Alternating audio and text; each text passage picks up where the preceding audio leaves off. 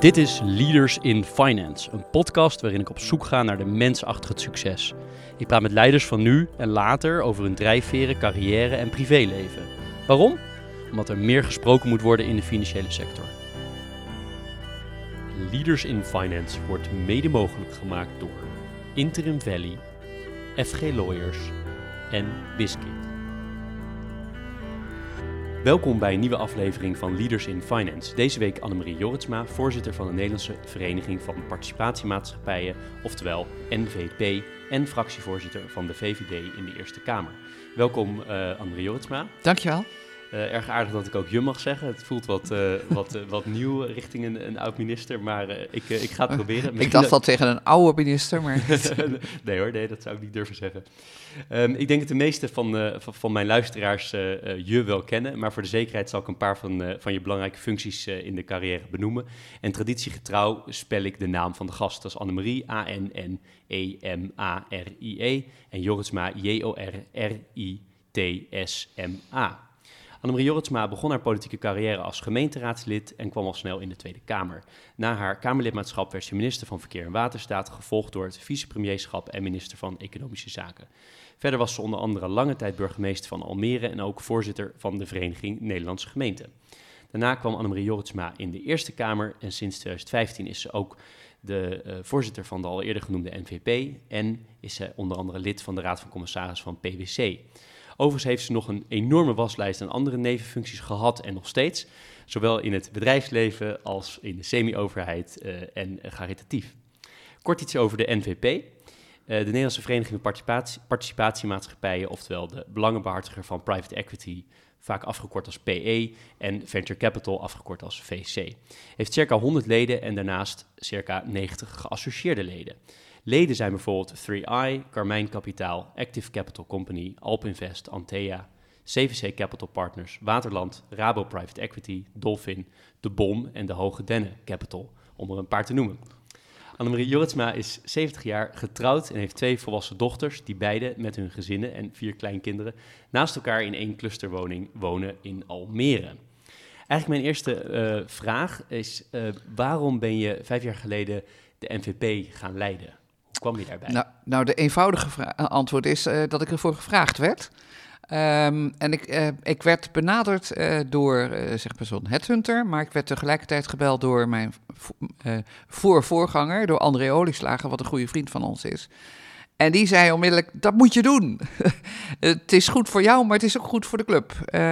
dus um, nou, toen heb ik eens even heb me erin verdiept. Ik kende natuurlijk private equity wel enigszins vanuit mijn ministerschap van Economische Zaken. Maar ik moet bekennen dat dat wel heel oppervlakkig was. Ik wist dat het er was. Het was toen natuurlijk, zeker in mijn tijd, nog een hele kleine, zich ontwikkelende sector. Um, dus ik had er niet veel mee te maken. En eerlijk gezegd denk ik altijd dat is op zich heel goed.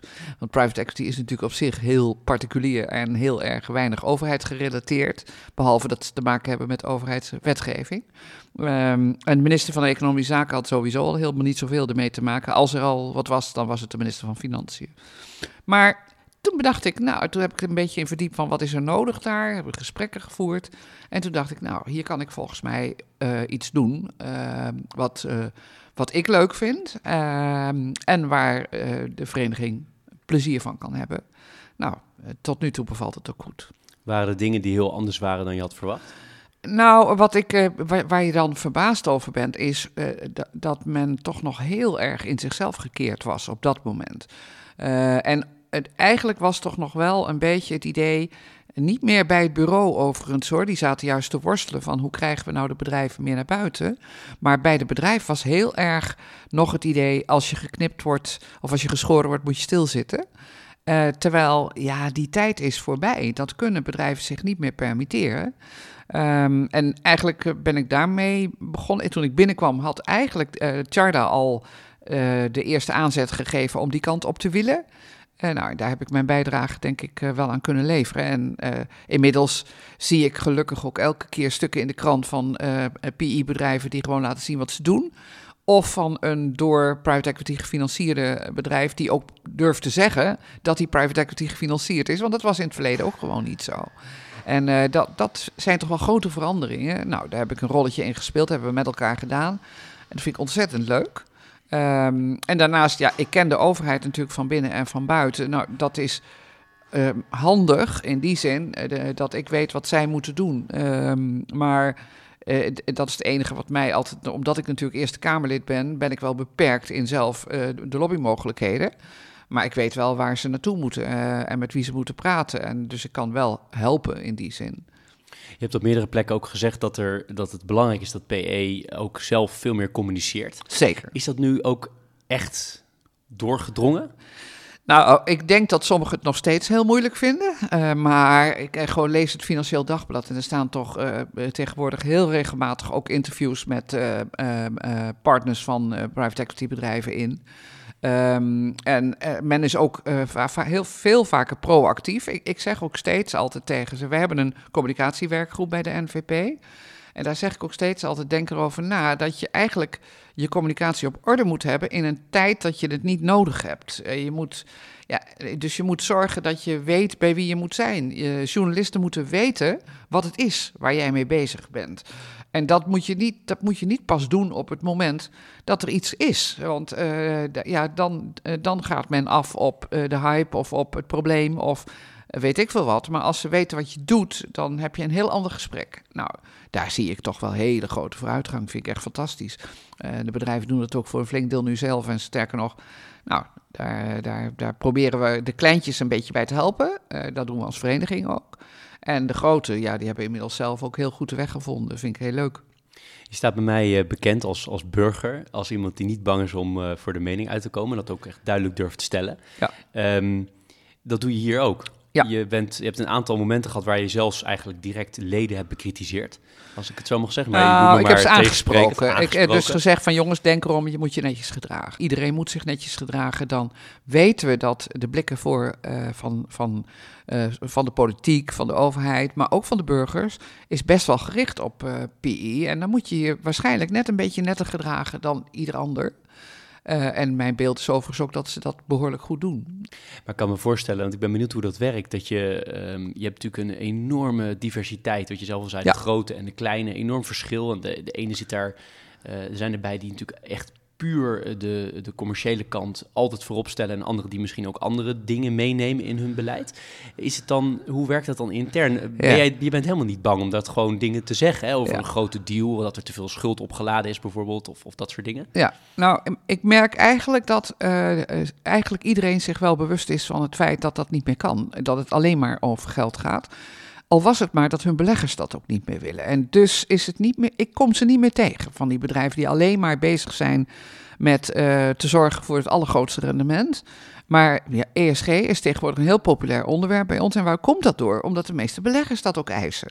Dus zeker de institutionele beleggers en het gros van de grotere bedrijven hebben natuurlijk veel institutionele beleggers die via hun in de fondsen investeren.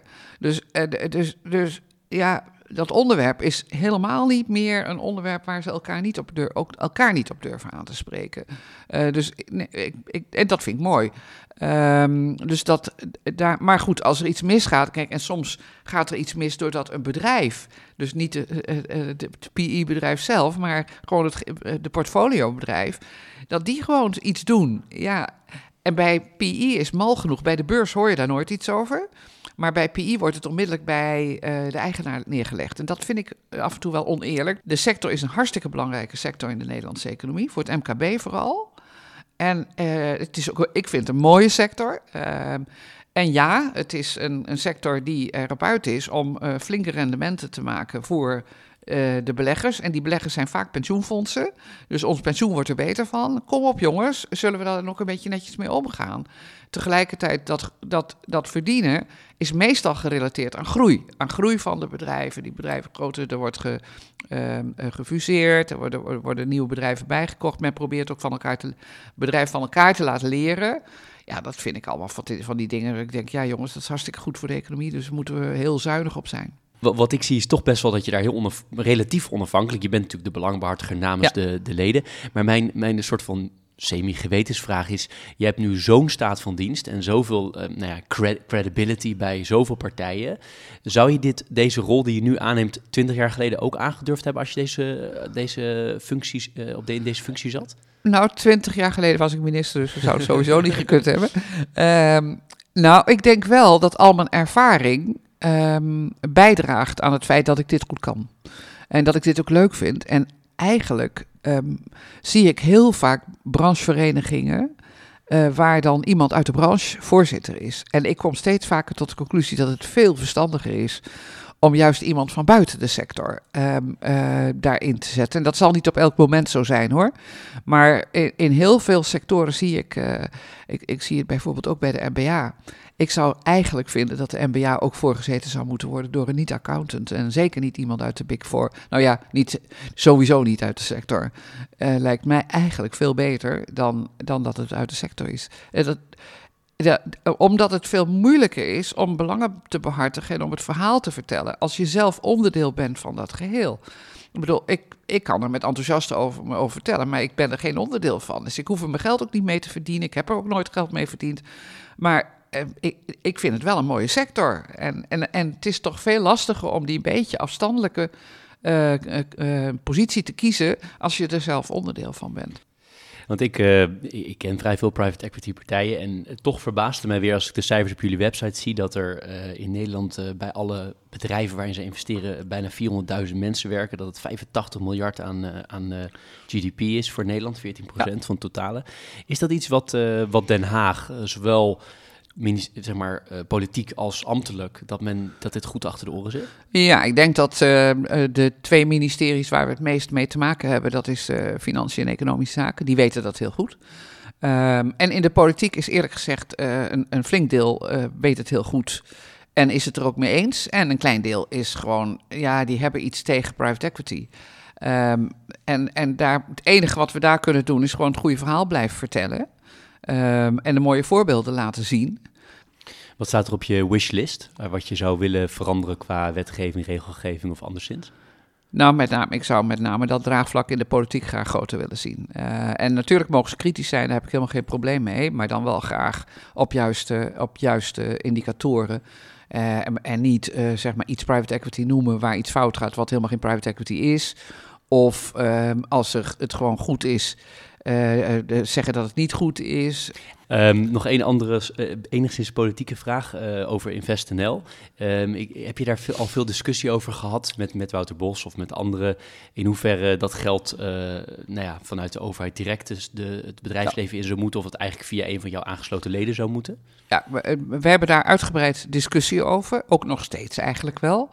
Uh, en uh, er wordt veel gepraat met uh, InvestNL door Jarda en, en het bureau vooral. En heel af en toe bemoei ik me er ook mee, maar ik weet precies wat ze doen.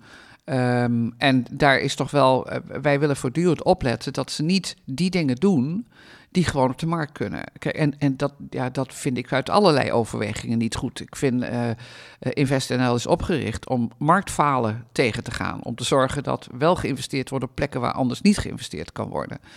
En het kan dus niet zo zijn dat ze marktpartijen van de markt af gaan drukken. Uh, want dan krijgen we een heel rare situatie. Daar zou ook overigens, vind ik, de hele politiek tegen moeten zijn. Uh, de, en dat is ingewikkeld. Dus, maar daar zitten we gewoon als een bok op de haverkist. Dus als, als het ons opvalt van, nou, nu wordt, gaan ze toch weer iets doen of lijkt ze weer iets te doen, ja, dan gaan we onmiddellijk met ze in gesprek. En eerlijk gezegd, tot nu toe lijkt dat ook wel dat ze dat ook niet willen. Uh, maar de vraag is of ze dat redden. Uh, ik, ik, ik, ik vraag het me af. We hebben natuurlijk eerder dat soort pogingen gehad van overheidsinvesteringsfondsen of uh, bedrijven. En aan het eind van de rit bleken het toch gewone bedrijven te worden. Ja, en dan moet je hem kwijt. dus, nou ja, we volgen het heel nauw. En heel veel leden praten ook met ze. Het beste zou ik overigens nog steeds vinden als ze altijd mee financieren en nooit als enige. Uh, en ik geloof ook wel dat dat de intentie is, maar daar zullen we ze blijven volgen. Um, als we even iets wat uh, vrij stevig acute draai maken meer naar jou toe. Ja. Uh, als je naar jouw jeugd kijkt, welke normen en waarden komen dan meteen bij jou op waarvan je zegt, dat is echt wat ik heb meegekregen en wat ik mijn hele leven tot aan vandaag de dag bij me meedraag? Nou, de belangrijkste roep altijd het, het, het, het, spreekwoord van mijn vader was: uh, laat, molens draaien, laat molens draaien, laat wieken loeien, laat ieder zich met zichzelf bemoeien. En daar bedoelde hij niet mee dat je egoïstisch moest zijn, maar dat je vooral niet te snel kritiek op een ander moest hebben. En dat heb ik eigenlijk altijd wel meegedragen. Dat, uh, uh, en daar, daarom ben ik ook lid van de VVD, zal ik maar zeggen. liberalen hebben dat wel erg in zich, dat ze vinden dat je vooral op eigen kracht moet proberen en dat je waar mensen dat onvoldoende voldoende kunnen. Ze moet helpen om wel zelfstandig te kunnen worden. Nou, dat, eigenlijk vind ik dat ook wel mooi bij deze sector. Dit is ook wel zo'n sector. Laat ieder zich vooral met zichzelf bemoeien. En zorgen voor zichzelf. zorgen dat je zelfstandig kan zijn. En nog andere normen en waarden die je hebt meegekregen met je ja, opvoeding? Ja, maar ik ben heel, heel uh, deftig. Of deftig, nee, juist helemaal niet deftig. Mijn vader was een molenaar. Dat is niet echt deftig. Maar best wel stevig opgevoed, streng opgevoed. Uh, eerlijk zijn. Uh, geen dubbele agenda's hebben. Ehm, zuinig met je geld omgaan. ik moet bekennen dat dat niet altijd gelukt is. voor mezelf tenminste. Ik ik slaag er af en toe toch in om meer uit te geven dan ik krijg. Dus dat moeten we voorzichtig doen. maar ja, gewoon, ben heel keurig opgevoed, zou ik maar zeggen. Uh, mijn moeder, en, en ook wel met een werkende moeder. Uh, ik, ik, denk altijd als je terugkijkt, dat dat ook wel toch wel op mijzelf ook wel invloed heeft gehad. Mijn moeder werkte in het bedrijf van mijn vader. Kreeg daar overigens geen geld voor, want het was, ja, dat was toen niet zo. Maar eigenlijk, als je terugkijkt, was zij veel meer de zakelijke kant. Deed zij de zakelijke kant. Zij ging naar de klanten en mijn vader deed het werk in de molen. Dus mijn vader deed het zware werk en zij, deed, haalde, de, zij haalde de bestellingen op. En ja, ze bemoeide zich ook wel heel erg met de handel, zal ik maar zeggen. Uh, vind ik wel heel grappig. Uh, uh, dus ik heb, ben altijd gewend geweest aan een moeder die niet elke dag thuis zat. Was er een moment in jouw leven dat je dacht... Annemarie Jorritsma gaat misschien wel eens even wel wat stappen maken in mm. bekend worden? Is dat er ooit geweest? Nee. Uh, zeker niet. In de, nee, toen ik jong was, echt niet. Ik, ik had toch echt een beeld. Ik heb nog een tijdje zelf naar een molenaar gezocht. Ik dacht wel, mijn vader, ja, mijn vader had alleen twee dochters ook, uh, mijn ouders. En uh, toen dacht ik eerst, moet ik molenaar worden? Toen dacht ik, nou, vind ik een man die molenaar is. Dus ik ben eens een keer mee geweest naar een vergadering met mijn vader. Nou, dat was, het potentieel was toch niet echt aanwezig, zal ik maar zeggen. en dat is, uiteindelijk is het maar goed ook, want die hele sector bestaat gewoon niet meer. uiteindelijk heeft mijn vader zijn bedrijf verkocht aan een ander. Nou, daar heeft hij, dat was eigenlijk zijn pensioentje. Uh, en heel veel heeft hij daar niet voor gekregen, kan ik je melden. Want uh, de, de, de, de, het was toen al een beetje een sector die aan het verdwijnen was. En inmiddels zijn dat die veevoederbedrijven, want dat, hij maakte dus maalde meel. Hij was kolenboer, kolen wel helemaal verdwenen. maar ook het malen van meel, ja, dat is tegenwoordig allemaal in grote fabrieken. dus dat is er überhaupt niet meer. Dus dat was toen druk aan het fuseren en verdwijnen en verdwijnen en verdwijnen en vergroten. Ehm, wat zou ik daar nou over zeggen? En nee, ja, over een moment was waarvan je dacht, ik ga nee, wat meer nee, doen. Nee, nee, nee. Toen, toevallig? nee, toef, nee nou, echt allemaal toeval. Want ik, ik wilde ook wel snel uh, zelfstandig worden. Dus toen ben ik naar de school voor toeristische vorming in Breda geweest. Dat was een korte beroepsopleiding. Um, en toen ben ik gaan werken. Um, uh, en toen ben ik, ik ben jong getrouwd. Uh, ik was 21 toen ik getrouwd was. Dat was eigenlijk meer omdat mijn ouders bezwaar hadden tegen samenwonen. Um, later overigens niet meer, want mijn zus heeft jaren samen gewoond. Toen was er allemaal niks meer aan de hand. Maar goed, de oudste is altijd toch iets anders. En, uh, en toen kreeg ik mijn oudste kind na drie jaar, drie of vier jaar. En toen dacht ik wel van, jezus, dit wil ik helemaal niet. Ik wil niet de hele dag thuis zitten. Dus toen ben ik MO Frans gaan doen. Denkende van, nou, als dat klaar is, dan kan ik uh, voor de klas en dan kan ik dat een paar uurtjes in de week doen. Zo ben ik eigenlijk uh, weer dat ik dacht, ik moet toch wel wat gaan doen. En toen zijn wij verhuisd. Uh, mijn echtgenoot ging werken in het bedrijf van zijn vader. En zijn verhuisd naar Bolsward. En daar ben ik al vrij snel, ik was in Zevenaar lid geworden van de VVD. En in Bolsward ging ik mee. En toen kwam, heb ik gewoon een vraag gesteld in een vergadering. En toen werd ik gevraagd of ik in de gemeenteraad wilde. En toen dacht ik, ma. En ik had dat Frans, ik, ik was bijna klaar met die studie. Maar die, dat examen, daar zag ik echt als een berg tegenop. Daar, daar slaagde ook niemand voor overigens. Ik geloof 6% want het was nog in de tijd dat je in één klap het hele examen moest doen. En dan voor een parttime student is dat toch wel echt een hele heftige zaak. En ik zag mezelf ook niet zo erg meer voor de klas staan. Dus dat was allerlei redenen om een smoes te bedenken waarom ik dat niet meer wilde. En toen ben ik uh, de gemeenteraad ingegaan. En dat vond ik ontzettend leuk. Ja, daar is het eigenlijk uh, mijn, mijn, carrière tamelijk automatisch gegaan. Want ik ben vier jaar, ik was vier jaar in mijn eentje lid van de gemeenteraad van Bolsward. Van de VVD, een eenmansfractie. en in 82 werden we een tweemansfractie, dus verdubbelden, 100% groei. Dat is echt fantastisch. Uh, maar er waren ook Tweede Kamerverkiezingen en toen hebben ze mij op de lijst gezet. Uh, ik dacht zelf, dat gaat helemaal nooit lukken. Maar ik stond op een plek eh, die mm, ja, uiteindelijk bleek gewoon verkiesbaar te zijn. Toen ben ik gekozen in de Tweede Kamer, ja. En dan, maar dat heb ik allemaal niet van tevoren bedacht. Maar dat vind ik heel interessant, hè? want eh, ik heb nu iets van uh, 40, wat ik noem leaders in finance of leaders, gesproken. En eigenlijk komt het overal terug. Het is Ja. ontzettend toevallig hoe dingen lopen. Ja. Tegelijkertijd, in, in alles wat ik gelezen heb over, over jou, komt er ook vaak terug eh, dat je, dat je zegt van laat je loopbaan nou niet overkomen. Dus Nee. Hoe, hoe, hoe, hoe Nou match ja. je die twee precies? Hoe nou werkt ja, dat? kijk, ik vind zelf echt heel jammer dat ik na de middelbare school ervoor gekozen heb om zo'n korte beroepsopleiding te doen. Dus ik zeg altijd, jongens, ga gewoon studeren. Zorg dat je gewoon uit jezelf haalt al in je studie. Ehm, en overigens is het natuurlijk vooral heel veel vrouwen die dat pas veel later zijn gaan doen. Eh, en ik heb, ik heb het eigenlijk on the job gedaan. Eh, en daar ben, ik heb enorm veel gestudeerd, maar tijdens het werken. Dus toen ik in de Tweede Kamer kwam, ik wist echt van mijn verstand niet hoor. Ik wist niks. Ik bedoel, ik had Frans ge- ge- gestudeerd. Dat is niet een echt goede vooropleiding om... eh, en toerisme. Oh ja, dat hielp natuurlijk wel. Daardoor wist ik iets van bussen, treinen en vliegtuigen. Dus ging ik verkeer en waterstaat doen. Ja, sorry hoor. Het was niet de juiste vooropleiding, zullen we maar zeggen. Maar wat ik wel toen gedaan heb, en dat heb ik eigenlijk bij elke stap in mijn carrière wel gedaan. Toen ik in de gemeenteraad kwam, ben ik alle cursussen die de VVD, maar ook de gemeente aanbood voor raadsleden, eh, heb ik gedaan. Dus eh, spreken in het openbaar, eh, ook nog een liberale filosofie, want ik moest toch ook nog iets weten waarom ik voor de VVD in de gemeenteraad zat. Eh, maar, ook van de, die had toen nog de, de, bestuursschool, eh, waar je kon leren als gemeenteraadslid hoe maak, hoe lees ik een begroting, hoe maak ik amendementen, hoe, eh, nou, noem maar op, zeg maar het handwerk van een gemeenteraadslid. Dat heb ik allemaal gedaan. Ja, en toen ik in de Kamer kwam, toen hadden we het klasje van Joekers. Theo Joekers was toen nog Kamerlid. En daar waren, we hadden, waren toen met 19 nieuwe mensen, dus we hadden gewoon een klasje. En daar werden we opgeleid in het vak. En ik moet bekennen, de eerste vier jaar Kamerlid is opleiding eh, voor mij geweest. Ik was eh, 32, dus best wel een jonge kip. Eh, en eh, qua een gezin met jonge kinderen in Bolzwart, wat ik eh, achterliet, eh, eh, best wel ingewikkeld. Maar toch, eh, en, maar toen heb ik ook heel hard gewerkt, heel hard geleerd. Het lezen van allemaal handelingen wat mijn voorgangers allemaal gezegd hadden. Eh, en dat is wel bij elke stap in mijn carrière altijd geweest. De stappen waren best wel toevallig vaak. Maar als ik er dan één keer ben, wil ik er ook alles van weten. Eh, en die ambitie moet je natuurlijk wel hebben. Dat je dan ook goed gaat snappen waar je het over hebt. Ehm, en ik was me misschien ook wel al tamelijk snel bewust, zeker in de Tweede Kamer, dat je dan als vrouw misschien nog een tikje harder moest lopen dan de meeste mannen. Eh, want wij zaten nog wel heel erg eh, in het daglicht, zal ik maar zeggen.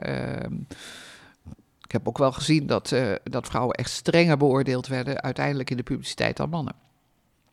En wat mij ook opvalt, is dat er toch steeds weer mensen zijn die al vanaf Bolzwart aan toe, maar ook daarna, die toch steeds weer zien van, hé, hey, dit is heel interessant, iemand die moeten we hebben. Blijkbaar word je vanuit Bolzwart gescout om Ja. op de lijst te komen voor de Tweede Kamer. Dus Ja, de was het mijn fractiegenoot vooral, Oké, die dat gedaan. Nou, dat is maar natuurlijk... wat zagen ze in je? Nou, ja, Vooral, denk je? Ja, ehm, nou misschien wel juist dat feit dat ik gewoon me dan ook wel verdiepte. eh, niet de, de kantjes ervan afliep. Maar wat ik zelf ook onbewust heb gedaan, is een netwerk opbouwen. Ehm, eh, kijk, nu weten we wat netwerken is. Ik moet je bekennen, in de 80, 80 jaar wist ik überhaupt niet wat een netwerk was. Maar ik ben toen ik raadslid was, onmiddellijk lid geworden van de vrouwen in de VVD. Dat was toen een actieve emancipatieclub, zal ik maar zeggen. En ik kwam dus meteen in het landelijk bestuur, want zo werkt dat dan. eh, als je raadslid bent, want er waren niet veel vrouwelijke raadsleden. Ehm, daardoor bouwde ik een netwerk op van vrouwen uit het hele land die mij kenden. Van die adviesraad, of de, wat was geloof ik de adviesraad van de vrouwen. Waar we elkaar eh, tegenkwamen. Ik zit nu te denken, het was niet het bestuur, het heette adviesraad, maar goed. Eh, we kwamen één keer de zoveel bij, bij elkaar. Maar als er dus een, toen ik dus Tweede Kamerlid werd, is dat mede gesteund door die vrouwen die ik kende uit die vrouwen in de VVD. Dat heb ik me nooit gerealiseerd dat dat zo was. Maar die, hadden dus, die zaten ook in die besturen van afdelingen die kandidaatstelling moesten doen. Ja, en eh, dus ik ben me al toen wel heel erg snel gaan realiseren. Ja, netwerken zijn dus hartstikke belangrijk. En heb ik, ook, ik heb ooit nog een keer de Vrouwennetwerkprijs gewonnen. Ehm, en Ben je daar op een bepaald moment dus ook heel actief? Eerst Ja, gebeurde het, maar eerst gebeurde het, later ben ik dan... Ja, Maar zeker. Hoe, hoe doe je dat? Want dat is wel Nou, interessant voor mensen die luisteren, die ja. nu aan het begin van de carrière zijn. Nou, voor vrouwen, heb, moeilijk, maar... voor vrouwen heb ik altijd een simpele, simpel advies. Trek een rode jurk aan, ga naar een receptie, loop daar rond. Ga spreken met degene die je wilt spreken. Want het is gewoon werken. hè. Ik bedoel, recepties vind ik eigenlijk verschrikkelijk. Maar uh, als je, het is voor je netwerk heel belangrijk. En je moet even kijken wie komen er.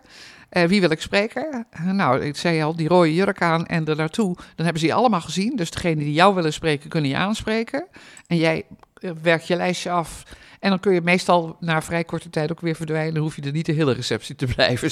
En, en, onderhoud jij dan, want je hebt zo ontzettend veel functies gehad, maar ook in, die, in het begin van je carrière, onderhoud je contacten met al die mensen die, uh, waar je mee in. Hoe, hoe, bepaal je dat met wie? Is dat heel uh, uh, rationeel dat je denkt van die gaat een hele zware positie mm. hebben? Of hoe doe je dat? Nee, ik ben daar niet echt rationeel. Kijk, ik ken mensen die dat heel geordend doen. Die hebben een hele administratie van van belangrijke mensen en weet ik veel wat. Kijk, ik gooi geen telefoonnummers weg. Dus als ik uh, iemand één keer uh, goed ontmoet heb of daar heb ik mee gewerkt, dan bewaar ik het telefoonnummer. En gelukkig tegenwoordig verandert niemand ook meer zijn telefoonnummer. Dus je kan het heel lang uh, best wel op orde houden.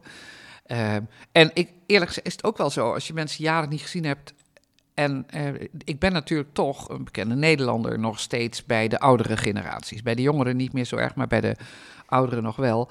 Dus als ik dan weer contact opneem, dan is het niet zo dat ze zeggen oh, van uh, wie bent u ook weer. Dus dan is het ook wel makkelijk. Je kan daar ook wel weer makkelijk terecht. Maar ik, uh, ja, ik probeer de mensen uh, die ik, waar, waar ik wat mee heb of waar ik wat mee moet, daar probeer je wel aandacht aan te blijven eh, besteden.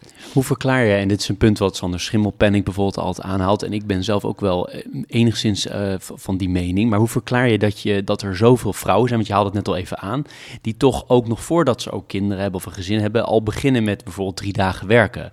Vreselijk. Uh, en ook heel veel mannen overigens hoor. Ja, vreselijk. wat ik zeg, maar, maar Moet verboden hoe, worden. Verklaar je het? Ja, het, is, het, is een soort, het is een soort, uh, soort mode. Uh, ook onder meisjes op de universiteit hoor ik best wel. En, en er is in deze tijd zoiets een gedachte van uh, dat je als je voltijds werkt, dat je dan niet meer kan leven of zo. of dat je dan tekort de tijd hebt.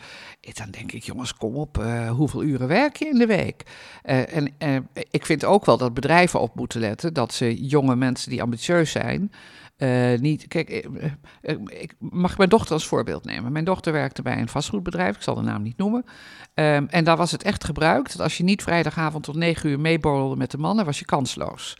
Ja, dat hoort niet meer zo. Dat, dat, dat, dat die tijd is voorbij. Ik, ik, vind, ik vind als mensen vier dagen voltijds werken, en dan mag het best zes, negen dag, uur per dag zijn, hè, 36 uur in de week. Dat is een voltijdsbaan. Dan moet je carrière mee kunnen maken. Dus de, in, in het bedrijf moet daar ook wel iets voor gebeuren. Maar tegelijkertijd, eh, die, die denken dat je, ja, ik wil ook nog tennis en ik wil ook nog dit, ik wil ook nog dat. Ja, sorry hoor, maar het is wel een keuze. En ik, wat ik zelf heel erg vind, is dat heel veel van die meisjes zichzelf zo tekort doen. En er maar op rekenen dat ze tegen een partner oplopen die voldoende verdient om hun daarna te kunnen onderhouden. En dat lukt dan soms ook nog wel.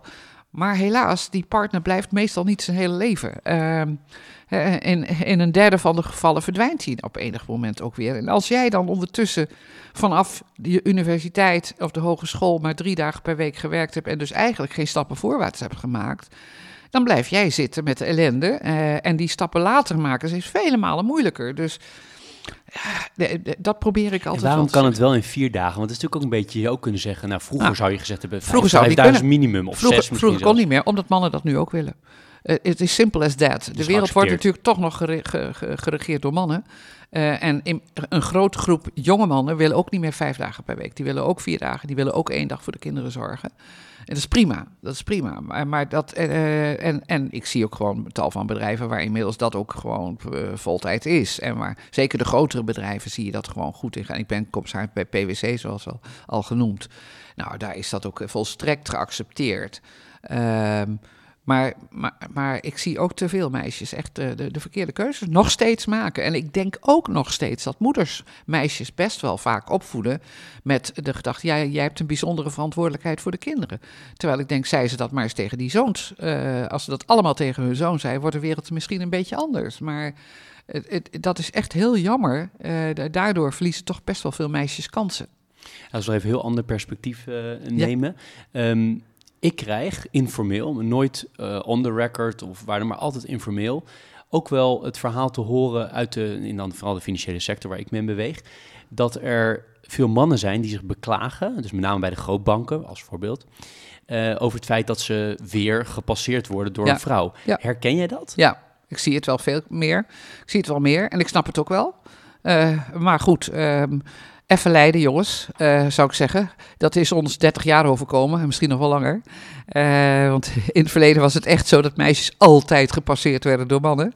Uh, dus ja, daar waar nog een onbalans is in de aanwezigheid van mannen en vrouwen, zal het af en toe gebeuren dat ja, mannen even gepasseerd worden. Beetje sneu, maar ja, moeten ze maar best doen. Goed je best doen, komt het goed in veel wat ik heb gelezen over jou, ehm, valt me op dat, uh, dat er mensen zijn om je heen, ook hele naaste, naaste van je, die zeggen dat uh, Annemarie Osma heeft best een olifantenhuid uh, gekregen, kan best veel, veel aan.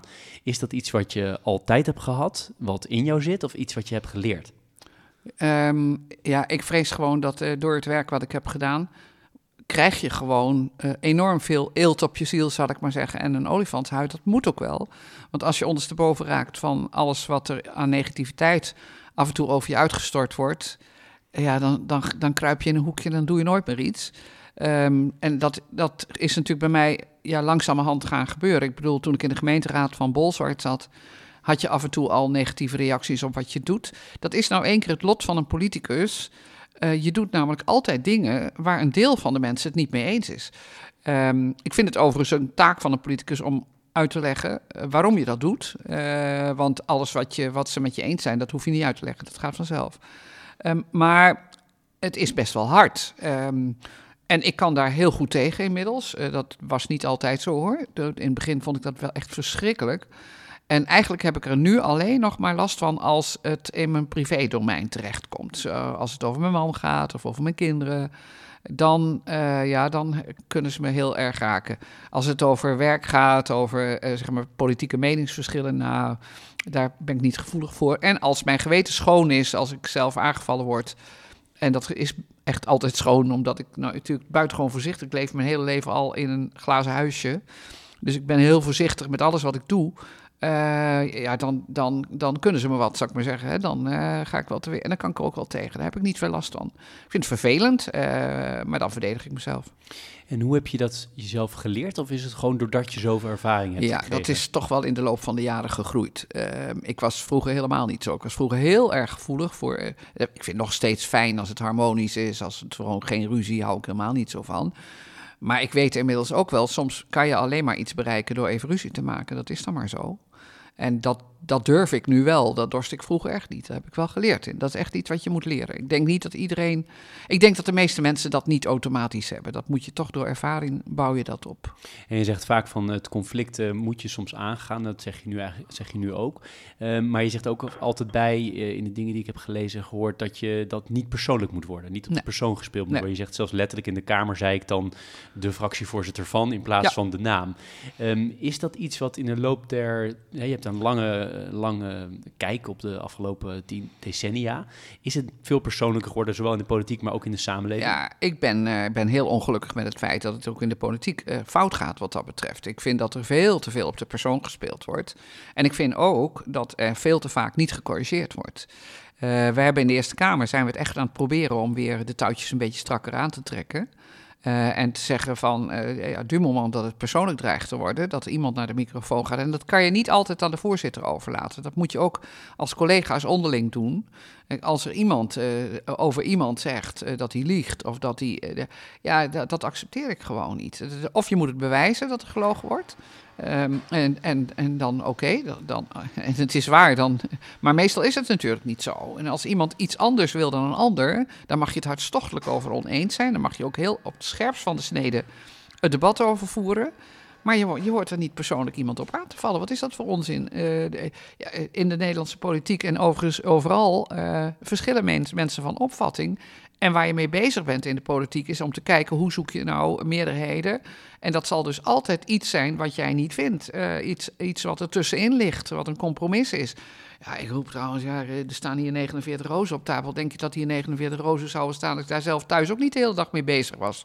Dat moet je ook de hele dag compromissen sluiten. Want ik ben het natuurlijk ook niet altijd uh, best wel vaak niet eens met mijn echtgenoot en hij ook niet met mij. Dus dan heb je een gesprek en dan probeer je er samen uit te komen. En eigenlijk is het in de politiek niet veel anders. Nou, ik heb wel het idee dat in Nederland misschien nog, uh, dat we nog wel in een betere sfeer zitten dan in bijvoorbeeld in Amerika. Uh, Amerika is een dramatisch. Ik, ik moet je zeggen, ik, elke keer denk ik, erger dan dat kan niet worden en toch wordt het weer erger. Ik, ik, ik vind het verschrikkelijk, want het, het betekent dus ook dat groepen mensen tegen elkaar opgezet worden. Uh, en of dat nou zwart en wit is, maar het is rijk en arm, het is stad versus plat, platteland. Iedereen wordt tegen elkaar uitgespeeld. Dat is zo slecht, zo verschrikkelijk slecht. Dus ik hoop echt dat ons dat bespaard blijft. Wat is, uh, als we kijken naar jouw drijfveren, wat drijft jou uiteindelijk het meest? Nou ja, daar heb ik natuurlijk zelf ook best wel vaak over nagedacht. Waarom vind ik dit nou allemaal leuk? Ja, het heeft toch iets te, te maken dat ik uh, denk dat je een bijdrage kan leveren aan de vooruitgang van het land. Uh, en, uh, en, ik snap, vind, ik snap ook, zie, heel goed dat dat heel bescheiden is. Ik heb wel schrappenderwijs gezegd toen ik minister van Verkeer en Waterstaat was: van, wat heb je nou zelf echt zelf geregeld? Nou, zei ik eigenlijk is het enige wat ik echt zelf geregeld heb, is dat er een bordje bij de afsluitdijk of bij, bij het knooppunt Jouwer kwam te staan dat je uh, door de polder ook naar Amsterdam kon komen. Uh, dat zijn dan, ja, dat is ook zo. Maar dat was ook waar, want dat is echt het enige wat je helemaal in je eentje als minister. Nou, dat heb ik geregeld, weet je. Dat kon ik dus daarna ook heel trots zeggen. Ik heb ervoor gezorgd dat je niet meer om hoeft te rijden via de afsluitdijk als je in Jouwer bent. Nou ja, maar zo is het natuurlijk wel. Maar wat ik spannend vind, is om te kijken hoe je uh, ja, mensen achter jouw ideeën kan krijgen. Uh, en ja, dan probeer je natuurlijk met zo min mogelijk uh, toegeven, maar probeer je zoveel mogelijk van wat jij vindt ook gerealiseerd te krijgen. En ja, tegelijkertijd realiseer ik me ook heel goed. ik ben lid op het ogenblik van de partij die de grootste partij in het land is. Maar daarmee nog steeds een kleine partij, vergeleken bij hoe partijen vroeger waren. En dus moet je met heel veel partijen samen iets doen. Dat betekent allemaal verwaterde compromissen. En dat is ingewikkeld uit te leggen, vinden mensen ook moeilijk te snappen. En ik, dat is natuurlijk een van de redenen waarom je dus mal genoeg steeds meer partijen krijgt. Want dan gaan mensen op de flanken, one-issue partijen, mensen die het over één onderwerp helemaal niet eens zijn, die gaan weer zelf iets beginnen, zich niet realiseren dat ze daarmee alleen maar de partij waar je je misschien ooit het meest bij thuis voelde zwakker maakten. Dus het is, het is een heel raar proces en ik, volgens mij hebben we ook nog steeds niet echt bedacht hoe we daar iets tegen kunnen doen. Waar ben je het uiteindelijk het meest trots op zakelijk? Met uh, wat zijn de één, twee of drie dingen waarvan je zegt, daar ben ik echt heel trots op dat ik dat voor elkaar heb gekregen? Mm, nou, dat vind ik moeilijk, omdat ik zelf niet het gevoel heb dat je dingen. Je krijgt nooit in, dit vak nooit dingen in je eentje voor elkaar. Als ik binnen de NVP uh, uh, krijg, ben ik er best wel trots op dat we, en dat zijn nadrukkelijk het bureau en de mensen binnen het bestuur en ik zelf samen dat we de club echt van binnen naar buiten hebben gekregen. Dat ze echt, er is een grote draai gemaakt in uh, hoe private equity bedrijven op dit moment met publiciteit omgaan, hoe ze meer communiceren over wat ze doen. Daar ben ik echt wel heel erg trots op. Ja, en hier in Almere vind ik zelf, uh, waar ik ook wel trots op ben, en daar heb ik ook mijn steentje aan bijgedragen, hebben we ook weer met z'n allen gedaan, is toch dat we ook die stad meer naar buiten hebben gekregen. Almere had best wel een minderwaardigheidscomplex. Vooral veroorzaakt uh, door mensen uit Amsterdam en het Gooi, die erg neerkeken, misschien nog wel voor een flink deel neerkijken op de stad. Wat vooral ingegeven wordt doordat ze hem niet kennen. Uh, dus wat we heel erg gedaan hebben, is proberen steeds meer Almere ook te laten zien. Uh, uh, veel mensen uit te nodigen, kom kijken. En altijd als er iemand weer iets negatiefs over de stad had geschreven, dan nodigden we ze weer uit. Nou, dat is best wel goed gelukt. Het, het, is nog niet klaar, want we zijn nog steeds een hele jonge stad en dus ook een hele onbekende stad bij heel veel mensen. Maar er wonen meer dan 210.000 heel gelukkige mensen, dus uh, hoezo? De vraag die ik altijd stel aan elke gast is: um, als je nu aan het begin van je loopbaan staat, nou met corona natuurlijk helemaal bijzonder, maar laten we dat nog even een soort van on the side. Wat voor tips heb jij voor mensen die nu starten, eh, dan wel in de, de private equity of veel breder, waar dan ook? Uh, hoe zij, ja, waar ze vooral aan moeten denken wat jou betreft? Nou, eh, ik zou zeggen, eerst goed nadenken wat je wil. Um, uh, en ook weer niet overdrijven, hè, want je kunt ook altijd weer switchen. Ik, denk, ik geloof er ook helemaal niet meer in dat mensen nu, als ze op A beginnen, nog steeds op A zijn aan het einde van hun carrière. Er zijn heel veel mensen die tussendoor ook switchen. Um, en dan zou ik zeggen, ja, investeer in jezelf. Zorg gewoon dat je bijblijft. Zorg dat je eigenlijk vooruit blijft lopen met je kennis. Dus zoveel mogelijk bij proberen te leren. Um, en, en ik denk nu van, ja, als ik nu jong zou zijn, zou ik proberen aan het begin van mijn carrière flinke stappen te maken. Omdat er komt een moment dat je toe bent aan gezinsvorming. En dan, ja, dan is het toch wel fijn als je samen nog een beetje rustiger aan kan doen. Maar als je aan het begin al die stappen niet maakt, dan weet je zeker dat je daarna ze ook niet meer kunt maken. Dus dat voor, ik zeg dat vooral in de richting van vrouwen, maar ook wel in de richting van mannen van vandaag. Ehm, en, en ophouden met het gezeur over, over, wat was het ook weer, de balans. Uh, de balans komt later in je leven. Uh, je bent ook blijkbaar bereid om heel lang s'nachts in de kroeg te zitten. Um, dus hou op. Ja, ik hoorde ook wel een beetje tussendoor, ook eerder waar we het over hadden, over drie dagen werken als meer als bijbaan en vier dagen echt een volle baan of vijf dagen. Dat je, dat je ook wel eigenlijk zegt, we zijn met z'n allen, maar dat is mijn woord hoor, spreek me tegen, ja. maar we zijn ook wel een beetje verwend. We zijn verschrikkelijk verwend. Ik, denk, ik, ik vrees dat dat het probleem ook is, dat uh, mensen zijn heel erg verwend, ook studenten. Uh, dat is ook eigenlijk in coronatijd, moet ik bekennen, dat ik me af en toe ook wel een beetje stoor aan het feit alsof het heel ernstig is wat er nu met studenten gebeurt. Ik denk, jongens, we zijn vanaf maart zitten we in corona. Dat is een goed half jaar. Hebben we het over? En laat het een jaar duren. Ik denk dan maar even, ik zag een, eh, een gesprek tussen een verzetstrijder en een student. En die man werd heel boos. Die, heeft, die hebben vijf jaar lang in de ellende gezeten die echt drie keer zo groot was als waar wij nu in zitten. Hè? Ik bedoel, we hebben nu wat beperkingen, maar het is toch nog redelijk beperkt met waar je, de beperkingen die we hebben als je het vergelijkt met een oorlogssituatie. Kom op, uh, kop ervoor, zeggen ze dan in Groningen. Maar uh, laten, we, laten we nou proberen het positieve eruit te halen. En dat vind ik ook wel weer aan de andere kant heel leuk. Dan zie je ondernemers die het hartstikke moeilijk hebben. En die bedenken dan weer iets nieuws. Uh, dan denk ik dan, die halen uit al deze ellende weer. En ik zou zo graag willen dat heel veel jonge mensen ook nu alleen maar bezig waren met. Nou ja, dit kan ik nu even niet doen. Wat kan ik wel? pak het positieve op, zou ik zeggen. We hebben bij Leaders in Finance ook altijd een teaser en een pleaser. Nou, de pleaser is altijd dezelfde, dat weet je. De, de, de teaser, die, uh, die weet je nog niet. En wat ik heb opgeschreven is, uh, alhoewel er natuurlijk, en het gaat altijd over het, werk wat je doet. Nou, we jou specifiek uitgenodigd als, als voorzitter van de NVP. Um, ehm, maar ook al is er natuurlijk in die portefeuilles van de bedrijven die aangesloten zijn bij, jou, bij jouw groep, uh, zitten natuurlijk ook veel gevallen bij die last hebben van corona. Nou, anderen zullen juist weer profiteren ervan. Uh, maar de stelling gaat met name over, of de teaser gaat met name over dat dit, deze tijd commercieel gezien ook wel een ontzettend grote kans is voor private equity om misschien wel heel goedkoop in te stappen op allerlei plekken. Ben je het daarmee eens? Nou, die kans is er inderdaad dat dat gaat gebeuren. Uh, en daar is op zich weer niks op tegen als zij ervoor zorgen dat daardoor die bedrijven kunnen overleven doordat ze goed gefinancierd worden. Um, het risico is ook wel dat, ze, dat er grotere risico's gelopen worden, omdat het wat goedkoper wordt. Aan de andere kant moet ik zeggen, um, voordat corona begon, was de markt echt uh, eigenlijk voor private equity bijna te duur aan het worden. Er waren helemaal geen keuzes meer. En daar werden echt grote risico's gelopen. Door als je een bedrijf moet kopen, hè, van ja, nou, ik moet het toch maar doen, ondanks het feit dat, ja, en anders pakt mijn concurrent het en bladibla. Dat zal nu wel iets veranderen en misschien wel heel veel veranderen. Maar eh, ja, nu eh, kan het andersom weer risicovol. Kijk, het blijft risicovol. Private equity is risicovol. Het is risicokapitaal in de kern. En de mensen die het goed doen, zijn dus de mensen die ook de risico's goed inschatten. En dus zie je ook eigenlijk dat of het goed gaat of slecht gaat met de economie, dat we een tamelijk stabiele hoeveelheid investeringen zien. Die, die pieken helemaal niet erg in een tijd dat het heel slecht of heel goed gaat, maar dat loopt een beetje door. En ik ben heel nieuwsgierig hoor, hoe dat, of dat de komende tijd ook zo blijft. Maar we hebben dat een paar keer onderzocht en dan blijkt eigenlijk dat ze ook in hele slechte tijden investeren ze nog steeds. En in hele goede tijden voorzichtiger dan eigenlijk zou mogen worden verwacht.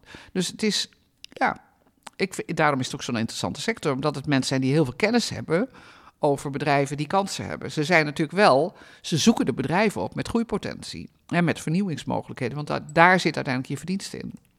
Ja, waarom ik het ook vraag is omdat je vanuit uh, reputatieoogpunten ook een beetje kan krijgen, of je het nou wil of niet, maar dat mensen in de kern super winstgevende bedrijven, maar die nu keihard geraakt zijn, dat die heel goedkoop opgekocht worden. Ja. Uh, omdat ja, iedereen, omdat het geld er gewoon niet staat, eigenlijk met de rug tegen de muur. En ik, ik snap ook wel dat dat rationeel gezien misschien niet altijd terecht is. Want aan de andere kant kun je ook zeggen, anders waren die bedrijven misschien omgevallen. Nou ja, kijk, als ze echt als, als ze geen bankfinanciering krijgen, uh, en ze moeten dus externe financiering zoeken. Ja, dan is er niet zoveel. Zijn ja, er niet zoveel. die imago kan het wel eens gezien worden als van. Hè, maar ik, ik, ik denk dan altijd, ook daar hebben natuurlijk de bedrijven zelf heel veel belang bij om dat verstandig te doen. Uh, want imago, reputatieschade is eigenlijk voor een private equity het allerbelangrijkste waar je op moet letten. Um, en, en, dat, en kijk, sommige partijen interesseert hun, uh, uh, laat ik het zo zeggen, of de kritiek om van sommige partijen vindt ze niet zo erg. Maar als het in de sector is of bij gewoon het bedrijfsleven. Ja, dat kan je niet hebben. Dat kan je gewoon niet hebben. Dus je moet je imago wel hoog houden. Dus daar, daar, eh, ja, daar ben ik ook weer niet zo heel erg bezorgd over. Ja, kijk, er zijn altijd. Uh, bedrijven die de mist ingaan. Maar ja, dat, dat, dat is eigenlijk al. Maar dat zijn dan ook de bedrijven die daarna nooit meer een fonds ophalen. Aan de pleasende kant stellen we altijd dezelfde vraag, zoals gezegd. En dat zijn er bepaalde boeken die jou uh, recent of langer geleden geïnspireerd hebben, of die je vaak cadeau geeft? Of voor sommige mensen die zeggen: ik lees niet, uh, films of andere dingen? Nou, cadeau geven, wij hebben al lang een traditie uh, dat we als iemand weggaat, ga ik voor mijn boekenkast staan. Uh, en ik krijg ongelooflijk veel boeken die ik ook niet echt allemaal lees hoor, maar uh, met mooie titels. En dan zoek ik een boek op wat past bij die persoon. En dat hoeft niet qua inhoud te zijn, dat kan de titel zijn, kan de plek zijn, kan de schrijver zijn, noem maar op. Dat is een ontzettend leuke, leuk idee om dat te doen, omdat je gelijk ook een verhaal hebt als je afscheid moet nemen. Nou, boeken die me inspireren, ja, ik lees heel veel. Um, uh, ook wel veel uh, flauwekul hoor, zal ik maar zeggen. Ik hou ook van uh, lekkere detectives, Dan Brown en dat soort dingen. Maar ik heb net in deze vakan afgelopen vakantie heb ik dat boek van Splinter Chabot gelezen. Waarin hij vertelt hoe hij uit de kast gekomen is. Wat ik echt, waar ik echt, ik heb zitten huilen erbij. Want ik dacht, ik ken Splinter best wel goed. Hij is voorzitter geweest van de JOVD. Ehm, ik vind het een ontzettend leuke jongen. En ik dacht, nou ja, die is zijn hele leven gewoon een makkelijk, makkelijk, makkelijk. Maar dat is dus niet zo. Dat ook en ik vind het heel goed dat hij het boek heeft geschreven, omdat ik denk dat er heel veel jongelui zijn die homoseksueel zijn en die ook thuis zeer begrijpende ouders hebben en het toch hartstikke moeilijk hebben om het, om de, om, om het te vertellen, omdat je, ja, je bent geen mainstream, je wijkt af en dat is spannend en je weet dus ook dat je problemen tegen zal komen. En dat wist hij. Ik vond het fantastisch. Ik vond het echt zo'n, uh, nou, wel een belangrijk boek. En ik hoop dat heel veel jonge mensen dat lezen. Is het ook nog een beetje interessant voor jou, omdat je zelf ook niet altijd mainstream was, in de zin van dat je altijd moest vechten tegen die mannencultuur? Ja, nou ja, en dat niet alleen. Ik was zelf tamelijk gezet, uh, heel lang. Uh, en dat helpt ook niet. dat heeft ook best wel. Ik heb ook, daar, daar voelde ik me meer mee verwant. Dat ik uh, dacht van, ja, dat ze mij. Ik werd ook best wel gepest toen ik jong was. Ehm, en eerlijk gezegd, bij mij heeft dat een omgekeerd effect gehad, namelijk dat ik enorm ben gaan vechten. Uh, en dat is bij hem ook zo. Uh, bij hem is het ook uiteindelijk. Kijk, dat is het malle. Je denkt dan, zo iemand wordt geplaagd, gepest, gediscrimineerd. Um, maar je, je, sommige mensen worden daar sterker van. En sommige mensen gaan in een hoekje zitten. En die, ik heb heel erg veel begrip voor de mensen die in een hoekje gaan zitten. Maar je wordt heel blij als mensen er bovenuit kunnen stijgen en, en, en dat gevecht wel aan kunnen gaan. Met support overigens. En daar vind ik dan wel weer prachtig dat uh, zijn vader en zijn moeder natuurlijk allemaal, die allemaal uh, het ook al lang wisten voordat hij het aan hun durfde vertellen. En dan de grootheid hadden om te zeggen, ja, maar hij moet het zelf uh, vertellen. Ik, ja, ik vond het heel erg, heel erg mooi om te lezen. En ik vind eigenlijk dat jonge mensen het allemaal moeten lezen. Ouders ook trouwens. Het is ook een goed boek voor ouders om te lezen. Nou, huiswerk voor mij. Ik ga het lezen. Ja, moet je doen. Beloofd bij deze. Um, tot slot, uh, richting het einde toewerkend, uh, vraag ik ook altijd naar hoe je werk en privé managt. Uh, we hebben het off the record ook al heel kort over gehad, maar je hebt natuurlijk een ontzettende hoeveelheid dingen die je tegelijk doet en altijd ja. hebt gedaan, nog steeds. Hè? Ja.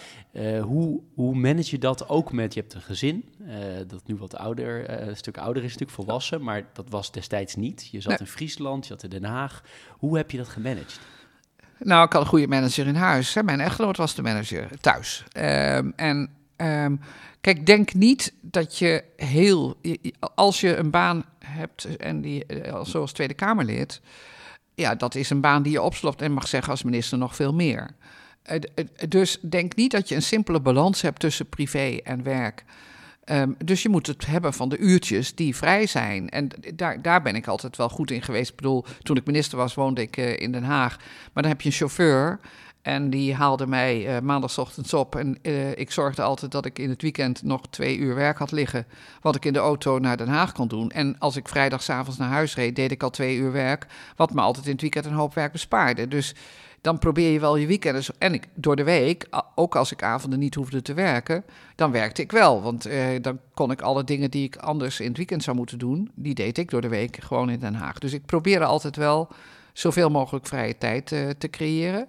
Uh, tegelijkertijd, ja, jongens, je kan niet alles. Ik roep altijd, je kan niet aan een goede kok zijn en een goede minnares en, uh, heel, uh, en een carrière. alles kan niet. Je moet keuzes maken. Dus ja, ik zorgde, wij hadden thuis een, eh, een, altijd iemand in huis die de, voor de kinderen zorgde overdag.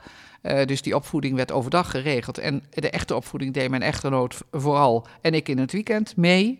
Uh, en ja, en nu, ja, ik, eerlijk gezegd, ik heb nu wel een paar dingen. Ik heb drie commissariaten uh, en de Eerste Kamer. Ja, en dan verder voorzitter van de jury voor de zakenvrouw van het jaar. Dat zijn twee diners en een avond uh, uitreiken. Alhoewel in coronatijd gaat het ook weer niet door. Dus, uh, hè, maar dat doe je, dat kost je. En, en eerlijk gezegd, ik mag het niet hardop zeggen.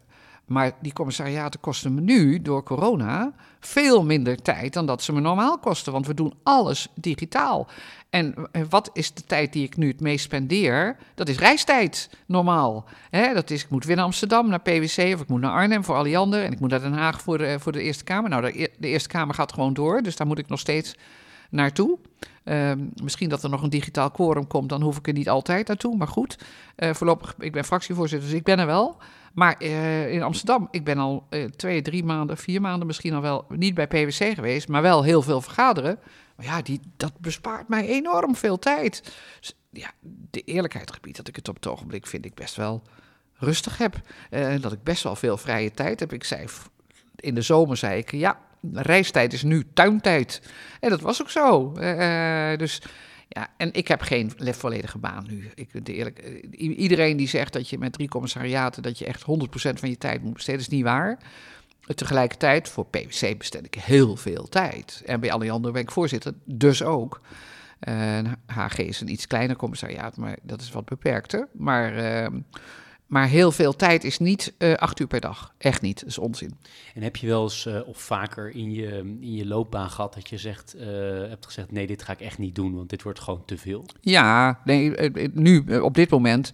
Bij mij is het nu zo, als ik iets nieuws wil, moet er iets ouds af. Uh, want ik vind dat ik nu wel een aardig pakketje heb. heb. Uh, daar, daar, daar, vul ik mijn tijd goed mee. Ik heb er nog genoeg vrije tijd bij. Ik hoef niet al te vroeg op te staan s. In principe ik kan mijn sportdingen gewoon doen. Uh, dus als ik iets nieuws wil, dan moet er iets ouds af. Dus oud voor nieuw. en ja, kijk, bij minister is het makkelijk. Want dan mag je niks anders. en bij Kamerlid kan je niet zoveel erbij doen. Dus dan had ik een paar dingetjes.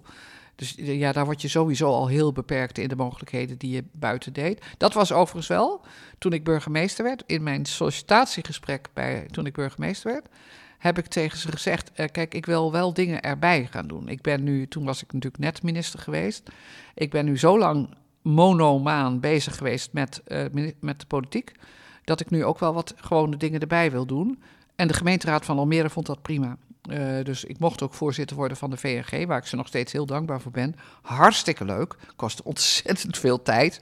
Want als je nou praat naast een drukke baan, ook nog een heel drukke voorzitterschap. Maar leuk, zo leuk om te doen. Dus uh, ja, daar heb ik ook mijn Haagse netwerk weer geweldig mee opgebouwd. Nou, dat helpt nu weer in mijn eerste Kamerlidmaatschap. Ja, zo helpt ja, ik kan me wel voorstellen dat ze akkoord gingen, want op die manier kon je Almere wel goed op de kaart ja, zetten. Ja, natuurlijk, dat helpt natuurlijk toch enorm. Bij al die, dus ik heb er ook wel over nagedacht natuurlijk, dat ik dacht, het is ook voor de stad goed. Uh, als je de, de relatie met Den Haag... Ik bedoel, en dan kwam ik weer op bezoek voor de VNG. Maar dan kon ik altijd toch aan marge ook bij een minister even zeggen... wil je daar nog even aan denken? Want Almere, is natuurlijk een bijzondere stad... omdat hij nog heel erg in ontwikkeling is... en niet in hokjes past. Uh, ja, dat, kon, dat was heel prettig dat ik dat zo even erbij kon doen.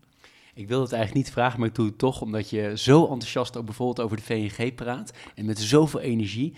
Als je dan toch nog voor een hele zware functie een keer gevraagd wordt, ga je dat dan nog overwegen? Want je bedoel, in Amerika heb je ook mensen die bijna 80 zijn en, ja, ja. en, en president kunnen worden. Nou, maar zou je dat echt nog, zou je dat per definitie uitsluiten? Of, uh... Nou, helemaal uitsluiten vind ik niet dat je moet doen. Ik, ik bedoel, ik ben gezond, uh, ik voel me prettig, maar het moet wel echt iets heel leuks zijn. Nee, we hebben nog nooit een vrouwelijke een... premier gehad. Dus, nee, uh... dat gaat niet lukken. Dat gaat er echt niet worden. Dat ga ik echt niet doen. Nee, daar kan ik wel van zeggen. Ik bedoel, Klaas Dijkhoff heeft nu net aangekondigd dat hij gaat stoppen. Maar ik kan heel goed begrijpen dat hij met zijn jonge gezin uh, zegt... Uh, premier wil ik niet worden. En dat wil ik ook echt niet. Nee, dat vind ik op deze leeftijd, sorry. Dat ze in Amerika allemaal zulke oude mannen dit werk blijkbaar laten doen. nee, dat hoef ik niet te doen. Ene laatste vraag. Um, hoe zorg je dat je mentaal en fysiek fit blijft en hoe heb je dat altijd gedaan? Um, nou, ja, ik heb uh, uh, de eigenschap, en dat is denk ik wel een prettige eigenschap, dat ik heel makkelijk ook weer los kan laten. Dus eh, als er iets heel vervelends gebeurt of ik heb het heel spannend gehad, dan probeer ik dat zo snel mogelijk achter me te laten. Dat is wel een manier. Ehm, ja, en toch ook af en toe gewoon eh, echt eh, lekker even helemaal ontspannen. Ehm, ik sta af en toe op de golfbaan, goed op vakantie. Ehm, en ja, als ik hier thuis zit, dan denk ik even niet aan het werk. dus je moet, je, moet wel, je moet wel los kunnen laten. Want als je alleen maar bezig bent met je helemaal in te kapselen, dat gaat niet goed.